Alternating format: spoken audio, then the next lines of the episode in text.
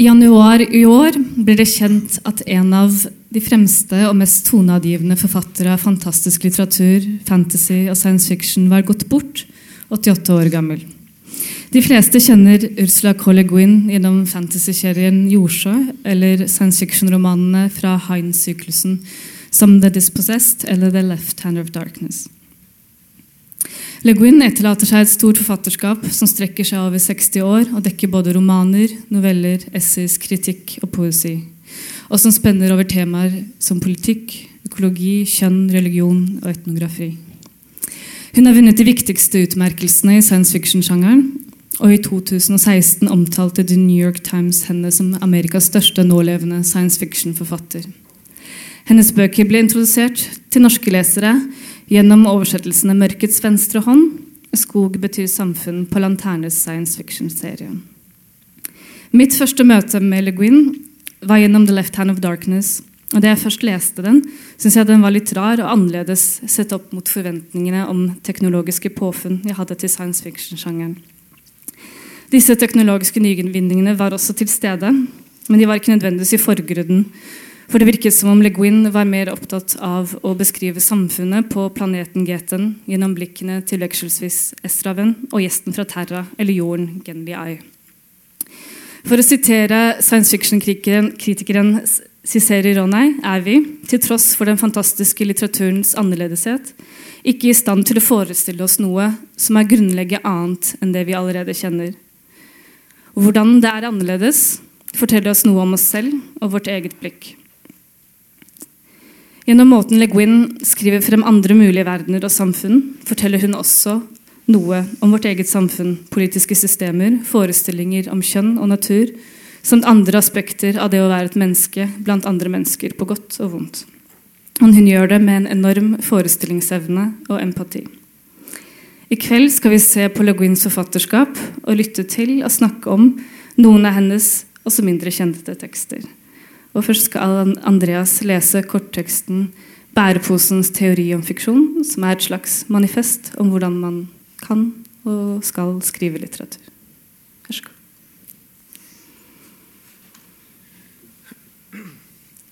Tak for det. Og, og tusind tak for invitationen. Det er virkelig fin, en fin anledning at, at, at lave en hyldest. Øh, jeg havde egentlig tænkt, går jeg godt igennem lydmæssigt? Herligt. Jeg havde tænkt at læse den hele, men så tænkte jeg alligevel, ah, det bliver nok for meget. Så nu har jeg lavet et lille uddrag. Til gengæld så har jeg taget den med, øh, sammen med fire andre bøger, som jeg vil omtale til sidst, som jeg har udgivet på mit forlag Virkelig i København. Og de ligger deroppe, hvor Morten og Nora står over ved døren. Og der ligger en lille pose, og så kan man, hvis man har nogle mønter eller nogle penge, så kan man lægge dem i, og man er velkommen til at tage dem med hjem øh, efter arrangementet. Bærepose-teorien om fiktion er et øh, bestillingsstykke, som hun blev bedt om at skrive i forbindelse med en antologi, der kom i 80'erne om kvindelige øh, fiktionsforfattere. Og det, så på den måde står den som et manifest.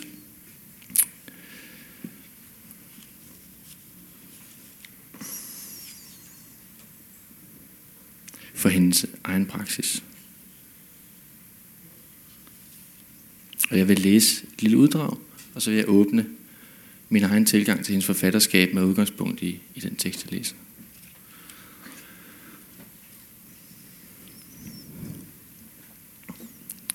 Den første kulturelle anordning var sandsynligvis en modtager. Mange teoretikere mener, at de tidligste kulturelle opfindelser må have været en beholder til at rumme indsamlede produkter og en slags slynge eller bærenet. Sådan siger Elizabeth Fisher i Women's Creation. Men nej, det kan ikke passe. Hvor er den vidunderlige, store, lange, hårde ting? En knogle, tror jeg, som abemennesket fast slog en med i filmen, for så grøntende af ekstase over at have afstedkommet det første rigtige mor, at kyle det op mod himlen, og som det vivlede der, blev det til et rumskib, der banede sig vej ud i kosmos for at befrugte det, og sidst i filmen frembringe et dejligt foster. En dreng selvfølgelig, der drev omkring i Mælkevejen, uden sært nok livmor, uden matrix over hovedet. Jeg ved det ikke. Jeg er endda ligeglad. Det er ikke den historie, jeg fortæller. Vi har hørt den. Vi har alle hørt alt om alle de kæppe og spyd og svær. De ting, man kan slå og pirke og banke med. De lange, hårde ting. Men vi har ikke hørt om tingen at putte ting i. Beholderen til den beholdte ting. Det er en ny historie. Det er nyt. Og alligevel gammelt. For når man først tænker over det, uden tvivl længe før våbnet, et sent luksuriøst redskab. Længe før den nyttige kniv og økse, samtidig med den uundværlige forhammer, kværn og graveskål. For hvad nytter det at grave en masse kartofler op, hvis man ikke har noget at slæbe dem, man ikke kan spise hjem i? Samtidig med eller før redskabet, der tvinger energi udad, lavede vi det redskab, der bringer energi hjem. Det synes jeg giver mening. Jeg er tilhænger af det, Fischer kalder bæreposteorien om den menneskelige evolution. Denne teori forklarer ikke bare store områder af teoretisk dunkelhed og undgår store områder af teoretisk vrøvl, hovedsageligt beboet af tiger, ræve og andre yderste territoriale pattedyr. Den rodfæster også mig personligt i den menneskelige kultur på en måde, jeg aldrig før har følt mig rodfæstet på. Så længe man forklarede, at kulturen opstod af og udviklede brugen af lange, hårde genstande til at stikke, slå og dræbe med, synes jeg aldrig, jeg havde eller ønskede nogen særlig andel i den. Det Freud misforstod som kvindens mangel på civilisation, er hendes mangel på troskab over for civilisationen, bemærkede Lillian Smith. Det samfund, den civilisation, de talte om, disse teoretikere, var tydeligvis deres. De ejede den, de kunne lide den. De var menneskelige, helt menneskelige, når de slog, stak, støtte, dræbte. Da jeg også ønskede at være menneskelig, ledte jeg efter beviser på, at jeg var det. Men hvis det var det, der skulle til, at lave et våben og dræbe med det, var jeg til synlædende enten yderst mangelfuld som menneske, eller slet ikke menneskelig. Det er rigtigt, sagde du. Det er kvinden, du er. Muligvis slet ikke menneskelig. Givetvis mangelfuld. Ti nu stille, mens vi fortsætter med at fortælle historien om heltemandens opstigning.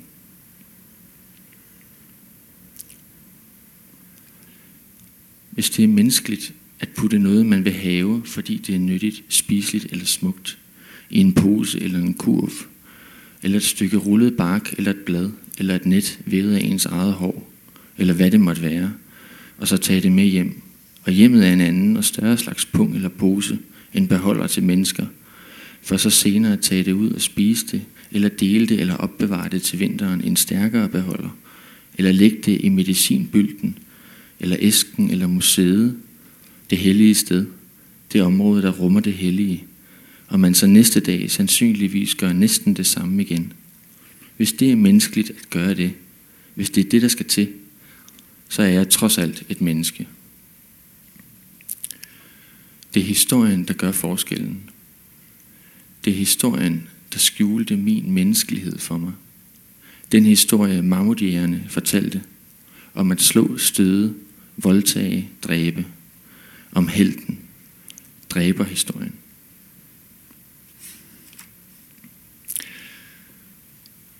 Hvis science fiction er moderne teknologis mytologi, er dens myte tragisk. Teknologi eller moderne naturvidenskab Og her bruger jeg ordene, som de normalt bruges, som en undersøgt stenografi, der står for de hårde videnskaber og den avancerede teknologi, baseret på fortsat økonomisk vækst. Er et heroisk foretagende, herkulisk, prometeisk, opfattet som triumf og derfor i sidste ende som tragedie. Den fiktion, der læmeliggør denne myte, vil være og har været triumferende.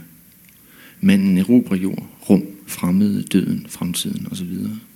Og tragisk, apokalypse, holocaust, dengang eller nu. Undgår man i midlertid den lineære fremadskridende, den teknoheroiske, tidens dræbende pil-modus, og omdefinerer teknologi og videnskab som primært kulturel bærepose, snarere end dominans våben, er en af de behagelige bivirkninger af science fiction, øhm, er en af de behagelige bivirkninger, at science fiction kan betragtes som et langt mindre rigidt, smalt felt, ikke nødvendigvis prometisk eller apokalyptisk overhovedet, og i virkeligheden ikke så meget en mytologisk som en realistisk genre. Det er en mærkelig realisme, men det er også en mærkelig virkelighed. Rigtigt forstået, science fiction er, som al seriøs fiktion, uanset hvor morsom, et middel til at forsøge at beskrive, hvad der virkelig foregår. Hvad mennesker faktisk gør og føler. Hvordan mennesker står i forhold til alt det andet i denne enorme sæk. Denne universets mave. Denne livmor for det vortende. Og denne grav for ting, der var. Denne endeløse historie.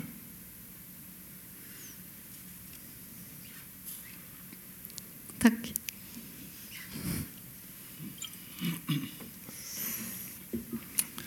Jeg håber, I fik det med, mere på, grund af, på trods af det danske. Jeg vil lige sige et par ord. Det har jeg fået lov til. Om, øh, om den tekst, jeg lige læste. For mig øh, beskriver den rigtig godt, hvad der er på færre i hendes arbejder som sådan grundlæggende skabelsespolitik eller måde at gå til dels historiefortælling, men også billedsprog i det hele taget på. Øhm, hun starter med at sætte posen, som sådan beholder, op over for den her øh, våbensgenstand. Og så har hun billedet fra Stanley Kubricks Rumrejsen 2001, hvor øhm, øh, primaten, øh, vi ser det i løbet af 10 minutter, ligesom finder ud af, at den kan slå med den her knogle. Og så efter at øh, en stamme af primater har begået et øh, overfald på en anden stamme, kaster øh, vedkommende en knogle op i rummet, og så klipper han til et rumskib, for ligesom at fortælle, eller give et billede på, det er Le Guins analyse, civilisationshistorien med våbnet som den primære kulturelt skabende faktor. Og det er jo selvfølgelig sat lidt på spidsen, men øh, for hende er det en dynamik, der er ekstremt øh, effektiv og enormt destruktiv. Og øh, hun beskriver sin egen praksis, og selvfølgelig også andres, som et øh, forsøg på på en eller anden måde at prøve at gøre noget andet.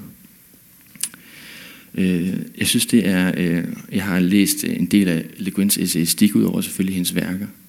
Og noget af det, hun øh, tit vender tilbage til, en af de teoretikere, hun tit vender tilbage til, det er en øh, russisk anarkist fra 1850'erne, der hedder Kropotkin, som øh, øh,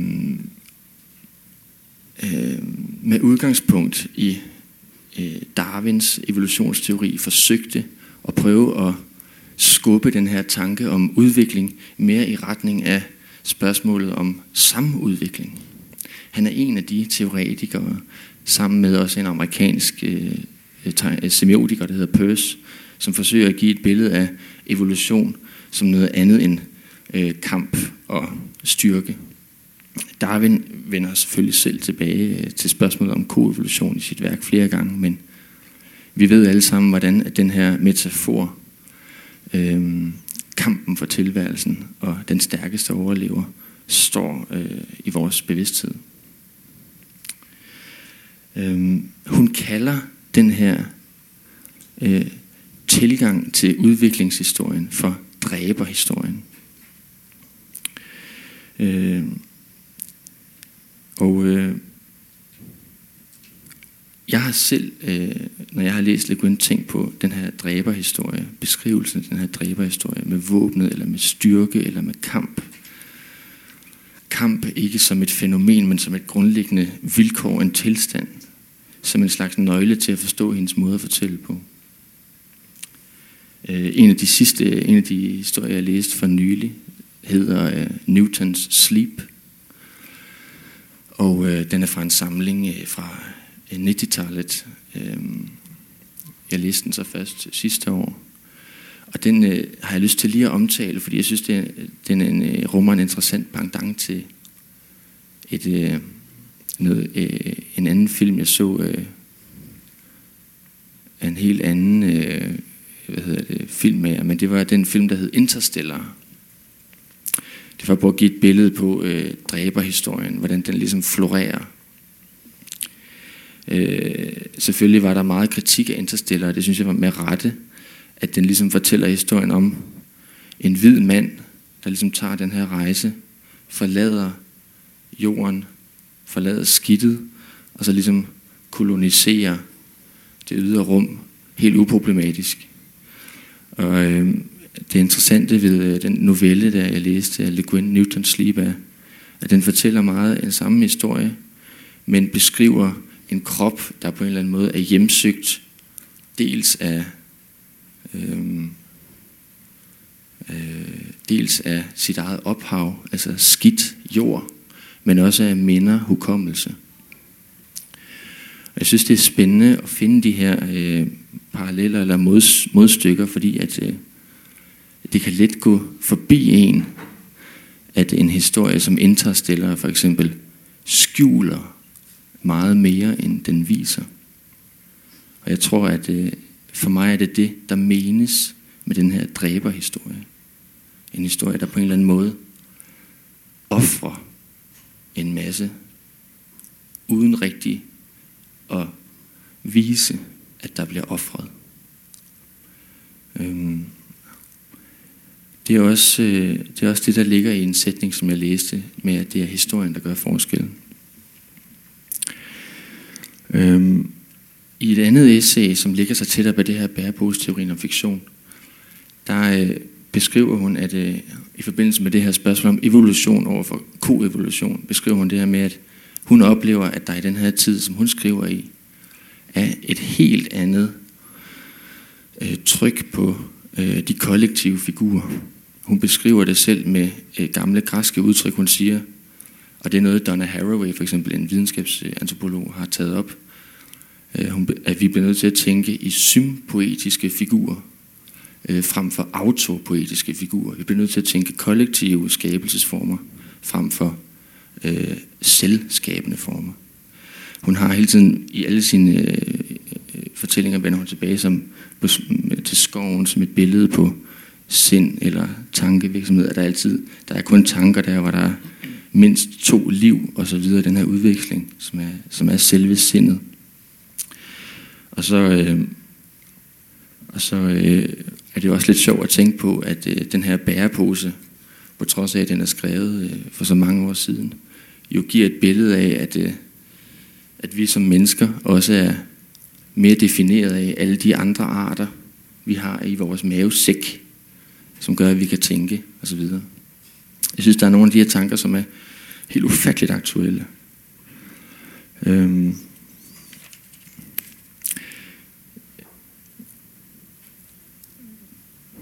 Hvordan ser det ud med tiden og sådan noget? Har du nogle tanker, Simon? Ja, det er jo allerede utrolig mye som ligger på bordet her. eh, Um, altså um, Ja, altså i hvert fall jeg tror fra et sånt helt personlig eh, På et personlig nivå liksom det er, eh, Fascinasjonen hos Le Guins forfatterskap og så, så føler jeg vel også en så- sånn veldig nærhet til, til mye av det du tok opp nå, og den kritikken hun fremfører i bæreposeteorien òg. Uh, eh, den er jo vel, i veldig stor grad en videreføring av uh, Virginia Woolf, uh, egentlig. Og særlig da Three Guinness og A Room of One's Own. hvor ja, For det første, det var jo en sekvens du hoppet over som er veldig morsom, hvor hun har lest Wolfs dagbøker fra, og skisser fra arbeidet med Tre Guinness, hvor Wolf forsøkte å komme frem med en ny ordliste over engelske ord og de egentlige betydningene. Og hvor eh, eh, heltefortellingen defineres som botulisme, tror jeg. Mm. Eh, altså en øyesykdom. Og helten som bottle, er da liksom. Eh, og, og Wolf er jo opptatt av det her med mannlig skrift og kvinnelig skrift og hvordan hun leser mannlige forfattere eller med et mannlig språk. Da, for det er jo i hvert fall hos Wolf ikke nødvendigvis knyttet til det biologiske kjønnet så mye som en stil og tenkemåte. Eh, men at hun blir plaget av denne bokstaven I, som hele tiden dukker opp. I, altså ordet jeg, som tar så forferdelig mye plass på siden. Eh, og det gir vel også litt ekko i, i eh, uh, Le Guin, som jeg snakker om liksom, de lange, harde tingene man kan slå folk med. Um, så, og, og, som du sier, det er også en fortelling som fortelles mange ganger og ukritisk. Og hvor, uh, og hvor det alltid er en masse som ofres, og et offer som ikke omtales. Det har man jo sånn sett allerede i liksom, de gamle greske eposene også. I Odysseen for eksempel, så beskrives det jo hvordan Odyssevs menn blir jo slaktet ned en etter en eh, i alle de farene som, som Odyssevs, som jo er eh, protagonisten, er jo den som fremstilles som eh, helten som skal ta i tur med det her. Da, men, men, de som ofrer livet for at han skal komme frem til målet, er jo navnløse Ja, underklassen, da. ikke sant? De som, som lett kan ofres. Um, ehm, så, så, jeg tror også den grunninnstillingen til gå Guin med ideen om å gi litt motstand til, til den måten å tenke på og, og, lage fortellinger Ja, det blir jo i seg selv liksom veldig potent, bare det. Da, og, og, altså, en kritisk tanke over er jo ja. ja. Nu nævner du Odysseen, og det er bare, øh, jeg får lyst til at nævne et andet værk, jeg læste her for nylig, som hedder øh, Lavinia en historisk roman. Jeg ved ikke, om I har læst den. Men den handler om øh, Lavinia, som er den øh, latinske prinsesse, som Eneas gifter sig med i Eneiden, øh, hvorefter han så grundlægger Rom. Eneas, der er den her helt fra, øh, der flygter fra det faldende trøje, og så er på en lang rejse, en slags odyssé, og så vender han hjem, når han når Italien. Og det er øh, faktisk, kan man sige, Eneiden er på en måde dræberhistorien inkarneret. Fordi den er ligesom kendt for, at øh, Vergil, dels er den kendt for, at Vergil vil have den brændt. Det er i hvert fald en myte. Men så slutter den med et øh, mor, simpelthen det voldsomste mor i litteraturhistorien, hvis I spørger mig. Hvor at øh, Eneas har besejret sin, øh, sin modstander Turnus, og Turnus øh, går på knæ for ham og siger, det er nok nu, jeg overgiver mig. Øh, ikke mere had. Og så siger øh, Enes, fordi han ser, øh, at Turnus har et smykke på fra en af hans venner, som Turnus har dræbt tidligere, så, så bliver han, det sortner for ham, og så siger han, øh, det skulle komme fra dig, og så stikker han ham simpelthen igennem hjertet, i sådan en slags affekt, blind affekt. Og så slutter bogen. Og det er ligesom grundlæggelsen af Rom. Det er jo helt vildt voldsomt. Og så skriver Le Guin den her bog, og det synes jeg simpelthen er det mest elegante eksempel nærmest på hendes øh, poetik, hvor hun, øh, hvor hun øh, siger, okay, men Lavinia, hun er nævnt tre gange i den her roman, men hun, er ikke, hun har ikke en historie. Så fortæller hun den samme plotmæssige fortælling som øh, Eneden, men fra Lavinias perspektiv. Og hun lader endda Lavinia øh, som hovedperson møde Vergil, Virgil, som så sejler på en båd i fremtiden, og de har en dialog om, hvordan historien skal være. Og der er det hele tiden den her tanke om, jamen, den, det kan ikke ende med et mor i affekt. Der må simpelthen være noget andet. Der er sådan et eller andet ønske om, og jeg synes, at øh, jeg genlæste også en Eden bagefter. Jeg synes simpelthen, at den bog var blevet så forbandet smuk af det her bidrag, af det her aspekt, der var blevet læst frem. Og det er på en eller anden måde, jeg får lyst til at rette mig selv, fordi det lyder så hårdt, når man siger, at man skal stille sig over for det, og så er det en modstand, som er næsten sådan, ja, binær. Men i virkeligheden så kan det også, det kan også ændres indefra på den her, sådan, på sådan en blomstrende måde, for, for ting, der ligger frem. Mm. Og, og det eh, Le Guin jo veldig mye gjorde, var jo også at hun tok jo på, eller hun gikk jo inn i liksom her sjangerlitterær eh, i en forstand. Som jo nettopp er veldig betinget av drepermyten. da. Jeg mener Science fiction som sjanger springer jo tradisjonelt sett i hvert fall mye ut fra de samme narrative strukturene som, eh, som de her gamle heltemytene. Mm. Og, og, det som kan være så fint med Le Guin, er vel også at hun tar utgangspunkt i de her fantastiske eh, tankekonstruksjonene. Og, og, det, og det, er liksom romskip eller magi eller uh, Men så er hun liksom opptatt av hva har jeg i posen. Ja, noen epler og liksom smokken til barnet mitt. Og, så sirkler hun veldig ofte inn de her små, enkle tingene allikevel. Og, uh, Eh, og noen av romanene hennes kan også føles som det, det er et veldig driv i dem og en spenning, men det er ikke alltid konflikten liksom helt får noen uh, Eller den løses jo ikke, i hvert fall i noen sånn tradisjonell forstand. da, Ofte så, eller som i The Dispossessed, f.eks. Der er det jo veldig mye politisk maktspill hele veien gjennom, og det, og det er tydelig at det er noe som liksom Hjulene settes i gang i løpet av romanen, men boka slutter jo liksom også med at ja, det ble ikke riktig noe av de her eh, nye teknologien som liksom disse forskjellige maktfraksjonene var interessert i å få hendene i. Og, og, det som har vært det viktige hele veien, har liksom vært ja, beskrivelsen av, av, hvordan folk tenker og Livet. Og lever, ja. ja. Og det er en sånn veldig jordnærhet i mye av det. og og det er jo det forslaget en bok som også inneholder veldig mye politisk teori og sånn. Um, men, uh, men, men, samtidig så Det kan være like fantastisk bare å følge liksom beskrivelsen av tresorter, hva slags trær vokser på planeten deres. Og, og det har ingen sånn direkte plottinnvirkning, samtidig som det, det blir jo liksom en beskrivelse av den her golde, lite fruktbare planeten hvor det er en sånn koloni av, av anarkister som har blitt sendt dit i eksil av, eh, av det gamle, den gamle overklassen på planeten de bodde på før. ikke sant?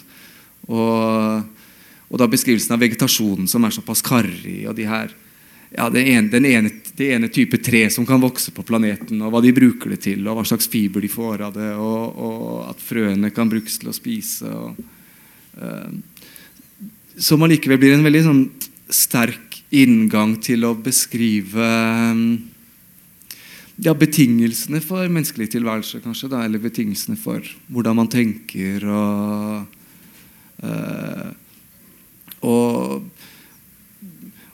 mens det store liksom, spionplottet som ligger over, blir nesten litt sånn Ikke akkurat en unnskyldning, men uh, litt sånn red herring, eller det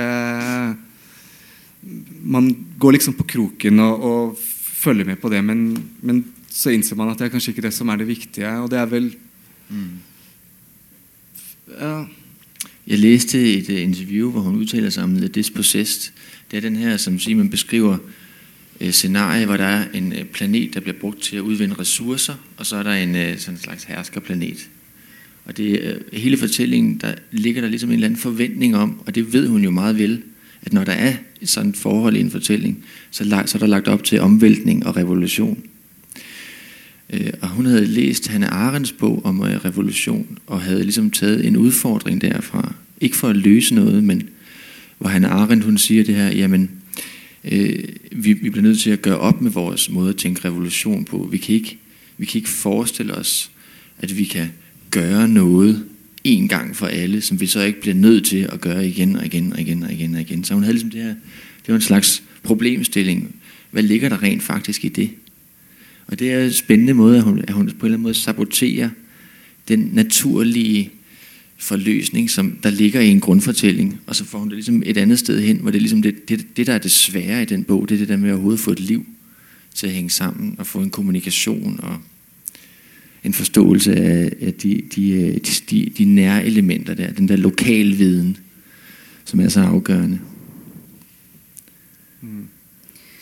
Hvordan oplever dere at uh, forfatterskapet hennes har utviklet seg i, i lys av den poetikken hennes i bæreposeteorien? Har det vært noe utvikling, eller har hun alltid hatt den holdningen til, til sin skriving, tenker dere? Jeg tror det er eh, for så vidt en slags så gammel idé hos henne, egentlig.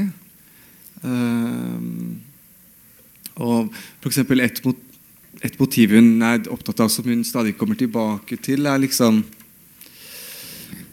som jeg vel tror er forbundet med, med det her, da, å, å, bryte opp strukturene for uh, for hvordan man tenker for, for, det ligger vel en slags ja, jeg tenker det ligger vel en makskritikk i det også, å, å si at ja, Eller tanken på at revolusjonen starter i hodet på hvert enkelt individ òg, ikke sant? Uh, som jo også er for så vidt en av grunntesene til den politiske filosofen i The Dispossessed. Uh, men jeg tror det er en gammel eh, tanke hos Leguin at hun er um, ute etter å utforske andre måter å tenke på, alltid. Uh, og hun ble jo blant annet en gang så var det noen som spurte henne liksom, Ja, du som er en feministisk forfatter, og hvorfor er det så mange av hovedpersonene dine som er menn? Så sånn at Hun var opptatt av alien modes of thought og at for henne var da det å forsøke å skrive ut fra et mannlig perspektiv en måte å, å liksom skifte perspektivet på.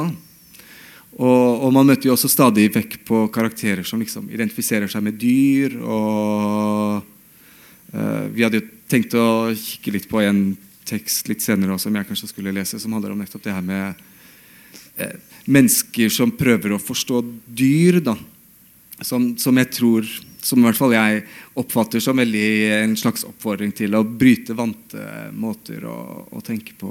Så jeg tror at akkurat det i hvert fall tror jeg er en veldig grunnleggende ting hos henne, egentlig. Jeg vet ikke hva du, du har noe I forhold til utviklingen Jeg tenker at det, altså jeg tænker, at det, at det, at det bare er blevet bedre og bedre og bedre, selvom det var godt fra start af.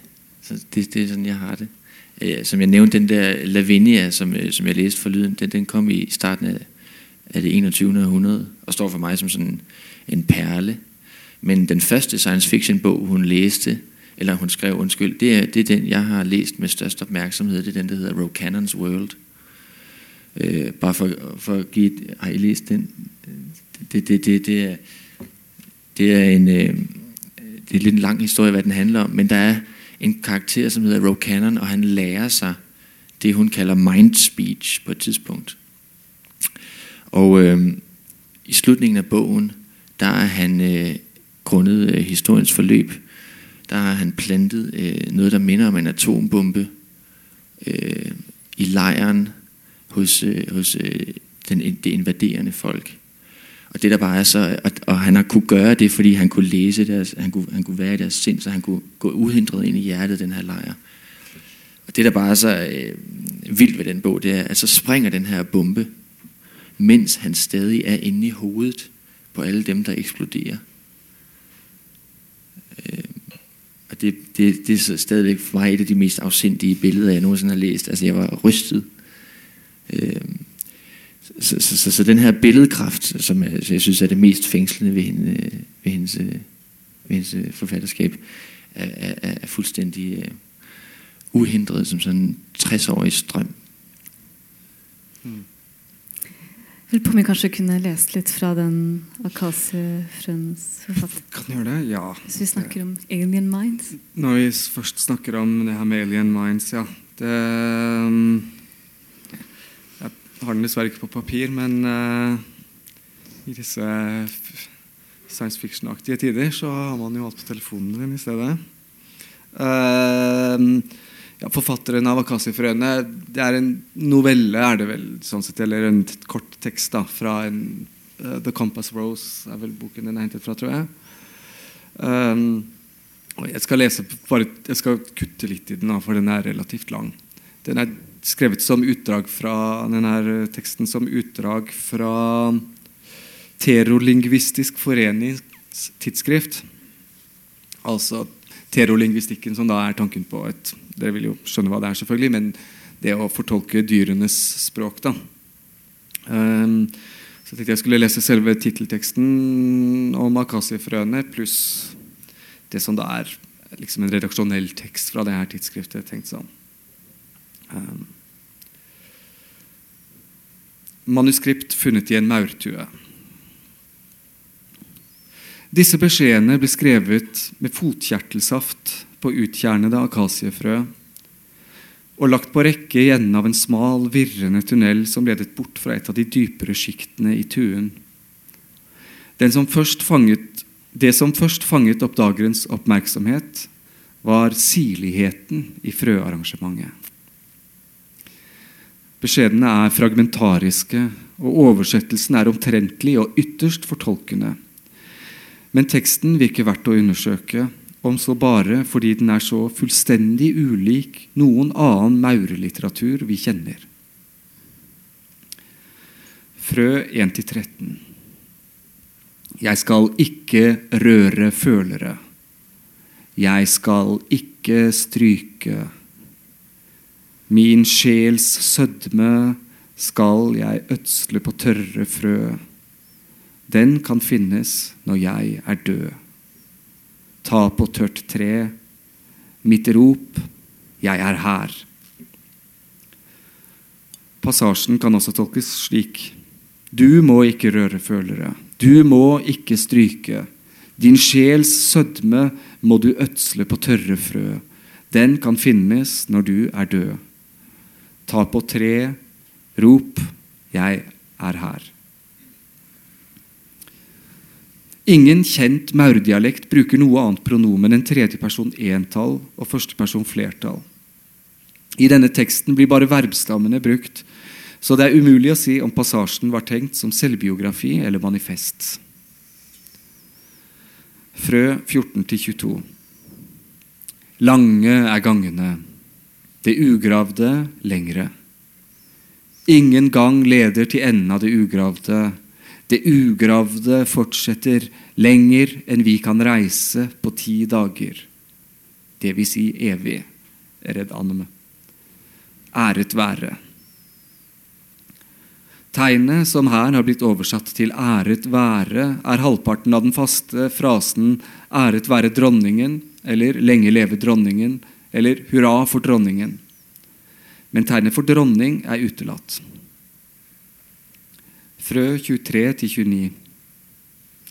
Slik maur blant fremmed fiendemaur blir drept, dør maur uten maur. Men å være uten maur er søtt som honningdugg.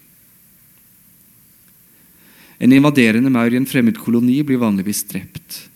Skilt fra de andre maurene vil den uten unntak dø i løpet av få dager.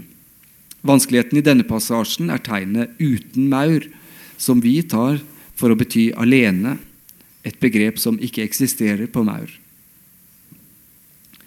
Frø 31, 30-31. Spis eggene! Opp med dronningen! Det har allerede rast en hissig debatt om hvordan vi skal tolke frasen på frø 31. Det er et viktig spørsmål, siden teksten som helhet er nødt til å leses i lys av denne endelige oppfordringen. Dr. Rossbone argumenterer snedig for at forfatteren, en ubevinget og steril hundarbeider, uttrykker sin håpløse lengsel etter å bli en bevinget hann, grunnlegge en ny koloni og stige opp i bryllupsflukten med en ny dronning. En slik lesning er riktignok mulig, men etter vår mening er det ingenting i teksten som understøtter den. Særlig ikke det foregående frøet 'spis eggene'. Denne lesningen hever seg over enhver tvil hvor sjokkerende den enn måtte være. Slik vi ser det, stammer forvirringen rundt frø 31 fra en etnosentrisk fortolkning av ordet 'opp'. For oss er 'opp' den gode retningen. Slik er det vi ikke, i hvert fall ikke nødvendigvis for en maur. Opp er riktignok der maten kommer fra, men ned er der man finner trygghet, fred, et hjem. Opp er stekende sol, iskald natt, eksil fra de elskede gangenes ly, død. Vårt postulat er derfor at denne bemerkelsesverdige forfatteren alene i sin ensomme tunnel forsøkte å uttrykke med de middel hun hadde til rådighet, den største tenkelige blasfemi for en maur, og at den riktige lesningen av frø 30-31 i menneskelige termer måtte bli 'spis eggene, ned med dronningen'.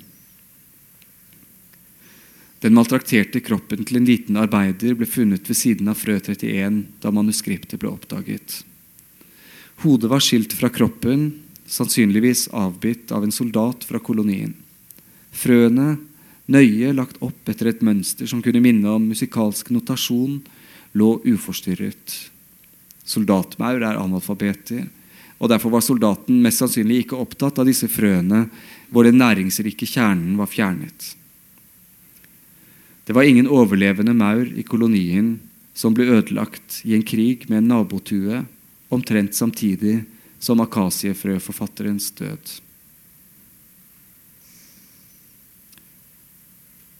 Ja, jeg leser eh, som da er eh, lederen fra samme nummer av eh, tidsskriftet for Terolingvistisk forening.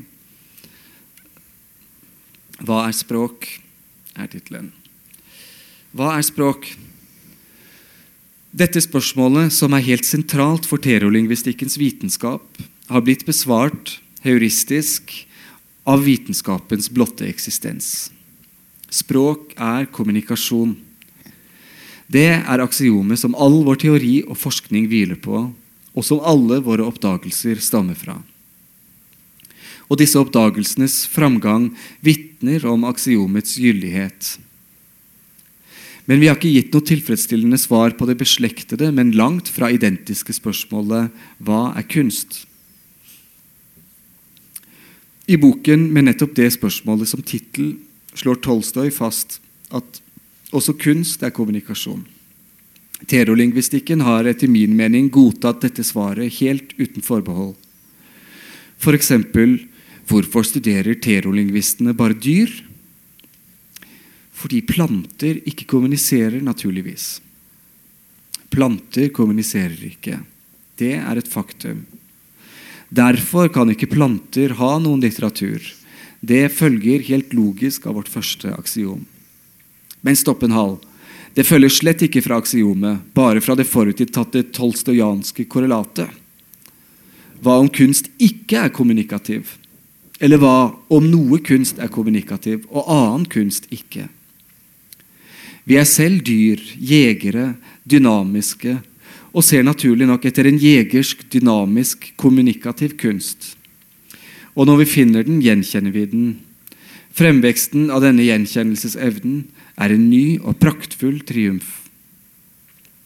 Men til tross for terrorlingvistikkens mange gjennombrudd de siste tiårene er det min påstand at vår vitenskap fremdeles er i sin barndom. Vi må ikke bli slaver av våre egne aksiomer. Ennå har vi ikke løftet blikket og møtt de enda mer åpne horisontene som ligger foran oss. Vi har ikke møtt den nesten skrekkinnjagende utfordringen som ligger i å lese plante. Hvis det finnes en ikke-kommunikativ vegetativ kunst, blir vi nødt til å revurdere selve grunnelementene i vitenskapen vår og utvikle et helt nytt sett med verktøy. For man kan ganske enkelt ikke ta med seg den kritiske og tekniske kunnskapen som høver seg til å studere mårdyrmordmysterier eller amfibieerotika hvis man vil nærme seg kunsten til kystsekvoiaen eller zucchinien. Dette har blitt uomtvistelig bevist av de edelt mislykkede forsøkene på å sammenstille en ordliste på solsikke ved hjelp av stoppfotografi, foretatt av dr. Shrivas ved Mumbai universitet. Eksperimentet var vågalt, men dømt til å mislykkes, siden tilnærmingen var kinetisk. En metode som passer til å studere de kommunikative kunstformene til skilpadder, østers og dovendyr. Han så plantenes uhyre saktmodighet, og bare den, som problemet å løse. Men problemet var langt større. Kunsten han lette etter, hvis den finnes, er en ikke-kommunikativ kunst og mest sannsynlig ikke kinetisk. Det er mulig at tidens essensielle element, målestokken og matrisen for all animalsk kunst, slett ikke spiller noen rolle for vegetativ kunst. Plantene bruker kanskje evighetens skala. Vi vet ikke. Vi vet ikke.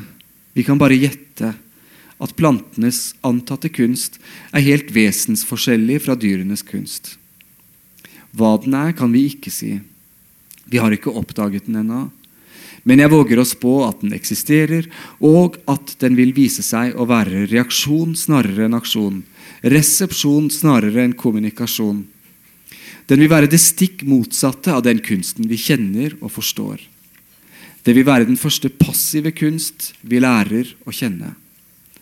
Kan vi i det hele tatt kjenne den? Kan vi noensinne forstå den? Det vil bli usigelig vanskelig, det er sikkert. Men vi må ikke gi opp håpet.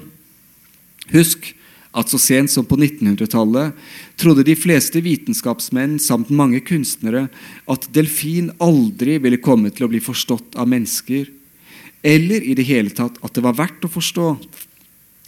La det gå 100 år til, så vil kanskje vi fremstå like latterlige. Kan du fatte og begripe, vil fytolingvisten si til kunstkritikeren, at de ikke engang kunne lese og være skinn?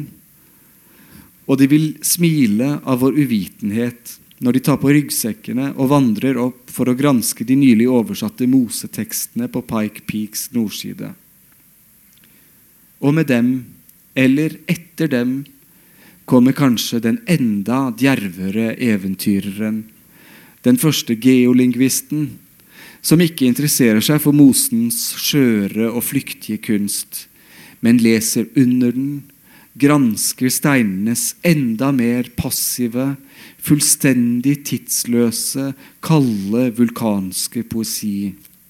Hvert ord ytret i uminnelige tider av jorden selv, i verdensrommets uendelige ensomhet, dets enda mer uendelige fellesskap.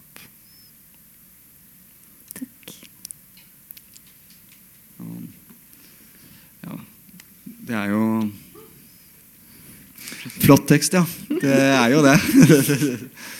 og altså Da jeg satt og leste den, så kom jeg til å, eller ble jeg liksom slått også bare av liksom det konstruksjonselementet hos Le Guin. Hun er jo også så fantastisk dyktig til å bygge tekst. Uh, og, og, hun gjør stadig vekk det her et grep som vel er typisk hos science fiction-forfattere, hvor man liksom introduserer eh, elementene av hva som er liksom den moderne Eller hva, hva som er liksom det nye og ukjente, snikes liksom inn i teksten. Det, fortelleren stopper ikke opp for å liksom beskrive at dette skjer i et samfunn hvor folk eh, forstår språket til dyr. Det, det, vokser naturlig fram av teksten, så, så det på den, annen, på, på den ene side. Men også hvordan hun klarer med denne lederartikkelen på slutten å vri det til et ekstra hakk. da. Fordi eh, som, som lesere av fiksjonen, når man begynner med denne tolkningen av et dikt skrevet av en maur, så ligger det jo i leseropplevelsen av det melder det seg jo nødvendigvis tanken at ja, what if? Hva om uh, dyr og insekter har språk? Uh, en konsekvens av det vil jo i hvert fall være at, at, vi som mennesker har en utrolig begrenset horisont som, som ikke makter å, å, forholde oss til uh, dyrisk bevissthet og dyrisk følsomhet overfor verden. Um, og, men samtidig så strekker hun opp den her eh, uendelige horisonten av at ja, men selv disse menneskene som, som forsker på dyrenes språk, er akkurat like naive som oss, fordi de, de, har, de, de har fremdeles fordommer mot at en aubergine ikke kan skrive dikt, f.eks. Og, og man så kommer til det punktet hvor ja, så vil det være steinene og ja. Um. Og det er lidt spændende, fordi at uh, Le Guin hun øh, uh, blir brukt ofte i uh, symposier, nu videnskabelige symposier, som sådan en slags case både uh, Anais Nin, som uh, skriver om svampe, og Donna Haraway har brugt hende til at udvikle sit begreb ontologisk koreografi, som hun bruger til at forstå, hvad det er, der foregår, når man går tur med sin hund, eller når man rider på en hest. Øh, og de er, det er jo selvfølgelig amerikansk, øh, en amerikansk tradition, og de går tilbage og peger på den semiotiker, der hedder Peirce, som skrev i, øh, øh, i 1850'erne. Og han udviklede nemlig en tegnteori, som skulle øh, som med, med, det, med, den, øh, med det diktum øh, som udgangspunkt, at enhver livsproces, uanset hvor langsom, også er en tegnproces. Og så prøvede han at skabe en tegnteori, der kunne modsvare det.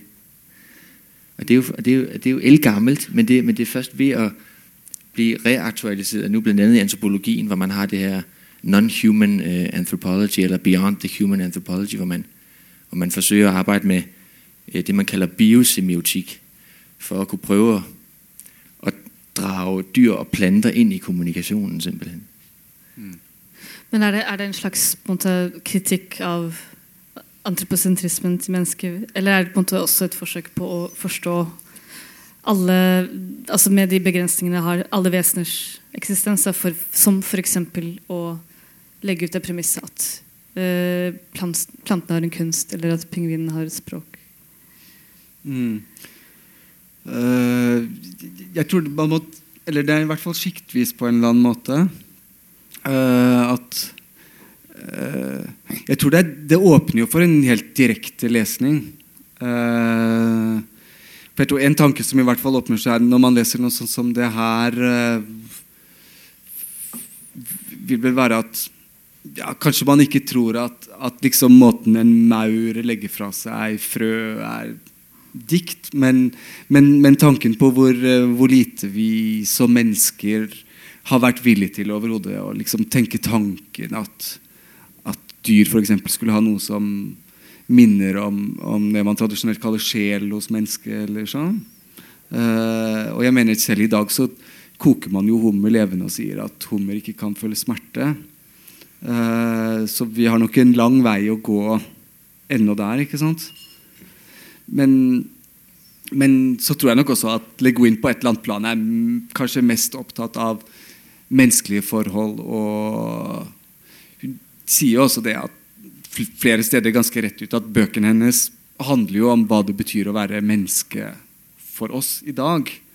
Uh, så jeg tror moralen her er vel ikke at om 500 år så kommer vi til å, å lese mosedikt.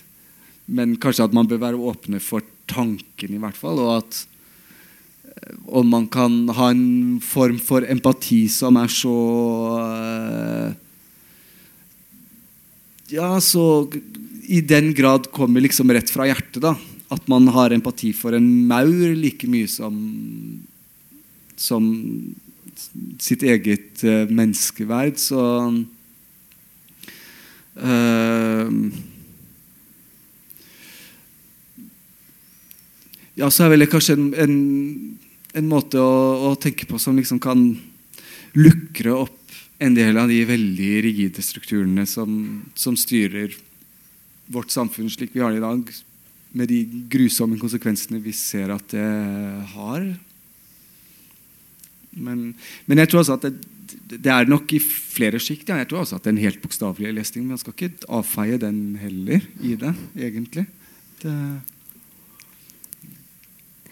uh, før vi avrunder, så skulle jeg gjerne spurt dere om hvordan dere begynte å lese Le Guin, og hva slags påvirkning eller inspirasjon det har vært for deres eget arbeid. Jeg kan gå kjapt først, ja, da, så kan du få avrunde. Ja. Uh, jeg tror eh, Det første jeg leste av Le Guin, var vel uh, uh, jordsjøtrilogien, som jeg leste da jeg var ganske ung. Uh, og Den leste jeg rett etter å ha lest Tolkien, så det var jo liksom virkelig et ganske stort sprang, da. For det er jo Tolkien er jo virkelig mordermyten sin fanebærer uh, innenfor fantasy-sjangeren, kan man si. Mm. Og uh, og så hadde jeg vel en periode hvor jeg var mindre opptatt av eh, Eller hvor jeg leste lite fantasy og science fiction, i hvert fall. Mm. Men for noen år siden begynte jeg selv å skrive en fantasybok. Så da tenkte jeg jeg måtte orientere meg litt om alt. Og da liksom plukket jeg opp Le Guin igjen og tenkte at ja, hun, det var da ganske bra. Um, og ble egentlig bare slått i bakken av hvor uh, Eh, ja, hvor, eh, hvor, hvor, mye jeg syns det fremdeles eh, holdt stand og ga mening. Og, så, så, liksom de siste årene har det vært veldig, veldig energiserende for meg i min egen skriving. Da. Og særlig det å gå inn i en sånn sjangerlitteraturgreie og allikevel forsøke å motarbeide eh, de her typiske fortellingene om eh, ja, hvor den gode ja, The happy ending alltid er liksom at den rettmessige kongen kommer på tronen, og folk finner sin plass i hierarkiet igjen. Og, men heller fortellinger som sprenger de hierarkiene litt, eh, og forsøker å, å, å, bruke det her spillerommet som den fantastiske litteraturen gir, da, til å faktisk forestille seg andre måter å tenke på. Og eh, ja, Sammenlignet med Game of Thrones, som utspiller seg liksom det mest voldsbetonte, misogyne universet man kan forestille seg. Uh, og det er jo et element av kritikk i det, selvfølgelig, men, uh, men også veldig element av en sånn voyeuristisk uh, glede ved å se alle disse her folkene som hogger hverandre ned, og voldtekter og undertrykkelse og klasseforskjeller. Og da kan det være fint liksom, å, å, med en forfatter som Le Guin, som egentlig bare forestiller seg helt andre måter å organisere samfunnet på, organisere menneskelig tenkning på. Mm. Spændende, mand. Det, det, er, det, er, det er meget, jeg kan virkelig ikke, ikke meget genkendende til det. Jeg startede også med jord, Jordhavs-trilogien, og det er jo lidt spændende. Det kan være, der kommer nogle spørgsmål, men men det er, jo, øh, det er jo det band, vi skal høre i aften, som er, som er opkaldt efter den. Og den er meget, synes jeg, øh, eksemplarisk som sådan en formativ fortælling. Og for mig, der øh, åbnede den også op for et element, som jeg synes er grundlæggende hele hendes forfatterskab, nemlig den her optagethed af skyggemotivet, som, er, som hun har indrømmet. Det er en af de få gange, udover selvfølgelig den kinesiske visdomslitteratur, som har betydet enormt meget for hendes forfatterskab, som hun også har oversat på formidabel vis, så øh, har Jungs øh, skyggemotiv, eller sky, tanker om skygge, skyggen som figur, betydet rigtig meget for hendes øh, forfatterskab. Og den her øh, Jordhavs-trilogi, der handler om at følge skyggen frem for at blive forfulgt, øh, synes jeg er øh, øh, virkelig eksemplarisk. Og det er sjovt, fordi at, øh, da jeg fandt ud af, at hun var optaget af kinesisk visdomslitteratur, så prøvede jeg at sætte mig lidt ind i for eksempel Tai Chi, for det har jeg også fundet ud af, at hun dyrkede. Og der er mange af de figurer, som hun bruger, som kommer fra øh, Tai Chi, den gamle Tai Chi-litteratur. For eksempel det her begreb om following. Det er sådan en visualiseringsteknik, hvor man skal sætte sig ned og meditere, og så i meditation skal man finde frem til sårbarheden øh, i ens egne forudsætninger, og så skal man på en eller anden måde øh, nærme sig dem, for at på en eller anden måde øh, gøre plads til dem, altså modtage dem, sårbarheden. Og det er sådan set det, øh, de første fire bøger i Jordhavet handler om. Det handler om på en eller anden måde at nærme sig det allermest smertefulde element af ens, af ens selv, og så på en eller anden måde byde det velkommen. Så som menneske, og så også som øh, læsenøgle til hendes øh, senere bøger. Og så tror jeg for mig, som, som en dansk forfatter lige nu, der har jeg tænkt, at øh, det der med at skrive på imagination, altså billeddannelse, frem for identifikation, som er øh, det, vi vanligvis forstår ved realisme, at man, øh, jeg kan nævne Coca-Cola, 7-Eleven, øh, Kiwi, hvad som helst, og så er der en eller anden form for øh, referentiel indforståethed omkring, hvad det, hvad det vil sige, så synes jeg, at hun øh, viser en anden vej, som også er en del af litteraturen siden øh, gammel, gammel tid, som er det her den her billeddannelse, som er egen oprindelig, altså øh, som er tykkere. Øh, ja, det, det, det er nogle af de ting, jeg prøver at tage med, eller som, også, som, jeg, som jeg også tager som store udfordringer. Altså. Øh, Mm. Og så tror jeg For os som skriver, så er altså det er konstruktørelementet hos Leguin tror jeg man kan ikke glemme. Altså verdensbygging og man kan lære så mye håndverk bare av å lese henne. Altså hvordan hun i, ja, 'Left Hand of Darkness' for eksempel, har vi jo ikke kommet inn på her overhodet. Det er jo en tragedie, egentlig. Men, eh, men f.eks. måten hun bruker eh, ordtak i den romanen, og tal, talesett, bare. Hvordan hele verdenen og, og, og deres syn på liksom, kjønn og selvmord og snø og alt fremgår i, i liksom sånn her Ofte litt sånn forkvaklinger av gammel eh, visdomslitteratur fra jorden, som du sier. Da. Mye kinesisk og litt gresk også. Det er litt sånn Heraklitos. De har en versjon på liksom at veien frem og veien tilbake er like lang. Eller, men, men hvor det liksom er for, formulert innenfor eh, rammene av, av eh, eh, verdenssynet til disse menneskene. Da. Eh, jeg vet ikke, Bare det å kunne få en hel verden til å fremstå ved hjelp av liksom ti ordtak som man sprer utover i en roman, bare noe sånt er liksom fantastisk, syns jeg. Så mm, ja. Er det noe dere vil legge til? Hvad sagde du, undskyld? Er det noe vi vil tillegge? Øh, ja, hvor er vi med, med der, der er så meget, men øh, Ja, jeg lurer på om tiden begynner å fly fra oss. Ja, vi må avrunde ganske snart. jeg skal lige kigge mine papirer igennem og se, om der er noget fuldstændig vildt afgørende. Jeg har. Altså, hvis jeg lige må sige et par ord om, om de bøger, jeg også har taget med. Altså, jeg har jo også blandt andet taget Akasiefrøenes forfatter med, som, øh, som du læste fra. Og det er jo så ganske vist på dansk. Til gengæld er det en virkelig, virkelig god oversætter. Ja, så det, så det er nok bedre å gå for den der. Ej, men det må jo stå som en opfordring, at den skal genudgives, den oversættelse der på norsk, simpelthen. Men, øh, men, øh, men øh, den ligger derovre, og så ligger der også et andet stykke øh, kryptohistorie, hvis man kan sige det sådan, som den, jeg fortalte om Lavinia der, det er den, der hedder Sur, som øh, jeg synes, det er en ting, jeg fortæller om selvfølgelig fantasy-litteraturen og sci-fi-litteraturen, men, men, men, øh, men den, øh, den lille novelle, der hedder Sur, den handler om en, øh, en, øh, en, en kvindelig ekspedition, der øh, fordi de hører, at Amundsen forbereder den her rejse til Sydpolen i sin tid, beslutter sig for at sætte ud og, og, og gøre ham rejsen efter, og så kommer de faktisk først. Øhm, og så handler den ligesom om øh, deres overvejelser om, hvorfor de vælger ikke at efterlade noget spor. Det er virkelig, virkelig en vældig inciterende fortælling. Og så ligger der som sagt bærebrugsteorien og, øh, og en anden, der hedder De, der vandrer bort fra Umelas, som også er sådan et billede på, hvordan at, øh, det, der, er- det, der ligner en idyll, i virkeligheden også rummer en trussel, altså en, et underliggende offer, eller et, et offersted. Jeg tænker, vi kan åbne for spørgsmål fra salen. Er det nogle spørgsmål? Ja. Kom, kom gerne op.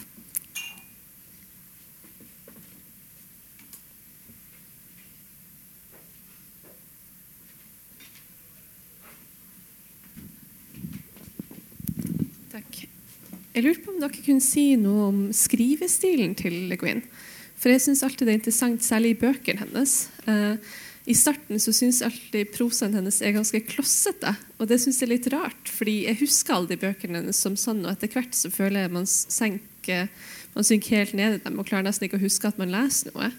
Mens jeg leste Mønske, eh, 'Mørkets venstre hånd', så husker jeg jeg gikk en tur til kiosken eller noe sånt, og så en sånn veldig kjønna reklame på veien dit. Det tok meg et sånt minutt eller noe sånt å skjønne hva den handla om. Fordi, å ja, kjønn. Ja, for det, det er tåpelig, egentlig. Og, men i starten så husker jeg det var veldig sånn det var litt vanskelig å komme inn i. Det første kapitlet, de første sånn 10-20 sidene. Så er det et eller annet med det som Det er som en sånn stor maskin som liksom kommer seg sånn sakte i gang. eller noe sånt. Og jeg har aldri helt forstått hva det er med den skrivestilen. Og vet ikke helt om det er en felles opplevelse eller bare noe jeg har mens jeg leser. Så jeg lurer på om dere kunne si noe om det. Um, ja, jeg tror jeg kan liksom gjenkjenne følelsen din litt eh, Jeg tror noe jeg har tenkt i forhold til akkurat det er eh, Jeg tror hun er en forfatter som bruker veldig tydelige, klare bilder. Og jeg tror det har noe med det å gjøre. At, at, eh, at, det både kan ha, at det både kan ha den effekten at når man begynner å lese det, så blir det nesten litt sånn sjablongaktig eh, når man møter liksom, motivene for første gang. og Man føler at ok, ja, her har forfatteren tenkt liksom, at i første scene skal motiv X være med. Um, så, så, jeg kan forstå at, det, at det kan, denne følelsen av at det er litt sånn krøkkete. Men så syns jeg også hun er så fordømt dyktig til å gjøre akkurat det. da At, at etter hvert så liksom flyter de her veldig klare og tydelige motivene på hverandre. Og, og danner denne helheten som ja, som du sier, man, blir, man lever seg helt inn i det. og og eh, kan liksom glemme eh, hva som liksom er det normale. Da. Fordi det fremstår som en sånn selvfølgelighet, mye av det hun skriver. Så det er i hvert fall en tangent i samme tanke. Jeg vet ikke om det er helt ja. Jeg tror jeg har det på samme måde også med 'Left Hand of Darkness'. Men jeg tror det har det sådan, at næsten alt meget kompleks prosa er lidt svær at følge. Altså, jeg ved at hendes øh, forbillede øh, eller det er jo det, hun har i hvert fald gjort opmærksom på i essays osv., fra prosaen, hun skriver, er Virginia Woolf og øh, Tolstoy blandt andet. Mange af de her store klassiske forfattere faktisk. Øh, og det hun så beskriver, det er jo det der med, at hun prøver at holde fast i, at den, øh, det, det fortælleperspektiv, fordi det skal være alvidende, men hun, hun, hun, øh, hun, hun, hun, øh, hun har skrevet en bog om at skrive, som hedder Steering the Craft, som jeg virkelig også vil anbefale, hvor hun siger, hun vil gerne frasige sig det her ord alvidende. Fordi hvis man nærlæser for eksempel Wolf og Tolstoy, så, så vil man også lægge mærke til, der er en alvidende fortælle, øh, fortæller, men, men, men, men vedkommende er involveret og engageret. Så der kan ske noget med den her øh, fortællerinstans. Altså den kan blive ført. Der kan, der kan, der kan være lyde, øh, som, som, som, som, som, som afbryder vedkommende, og der kan, der kan være træk eller vægt eller sådan lugte i rummet, som vedkommende eller som fortæller positionen befinder sig i, som trækker i en retning osv. Og jeg synes, at det, for eksempel The Left Hand of Darkness, som starter i, en, i et optog, altså man er jo midt på gaden. Vi møder ligesom vores karakter, mens de går et optog øh, på den her fremmede planet. Det er jo dybt desorienterende, men så snart man lige fanger den, så, så, så er det så meget desto mere effektivt. Så jeg tænker, hun er, altså jeg oplever hende som sådan, ligesom øh, når vi møder Mrs. Dalloway for første gang, så er hun inde i, øh, på vej igennem London over gaden, og det er faktisk ret svært at hænge med. Altså det er svært at følge med. Jeg oplever hende som sådan, øh, først og fremmest enormt stilsikker, og bevidst om sine virkemidler i forhold til hendes skrivestil. Andre spørsmål?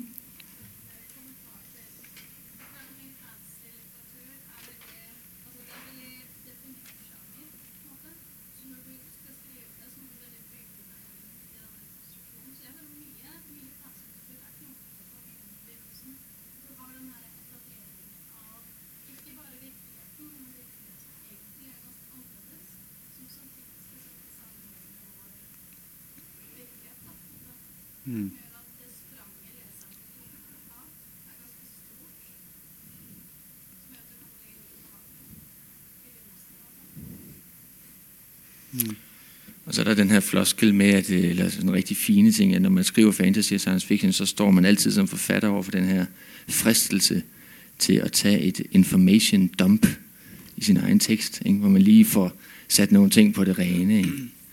Og der kan man sige, også i forhold til skrivestil, fortælleteknik, der er det, der er det jo som, som regel den her indirekte øh, fortælle, fortælle måde, som hun gør brug af. Ikke? Så det er interessant med Le Guin, synes jeg, som, som, som teknisk fortæller, at hun kommer fra i meget høj grad etnografien. Ikke? Og det er næsten som om, at de tidligste værker, hun støtter sig til, er øh, antropologisk etnografiske monografier, ikke? Som, jo også, som jo har det samme problem.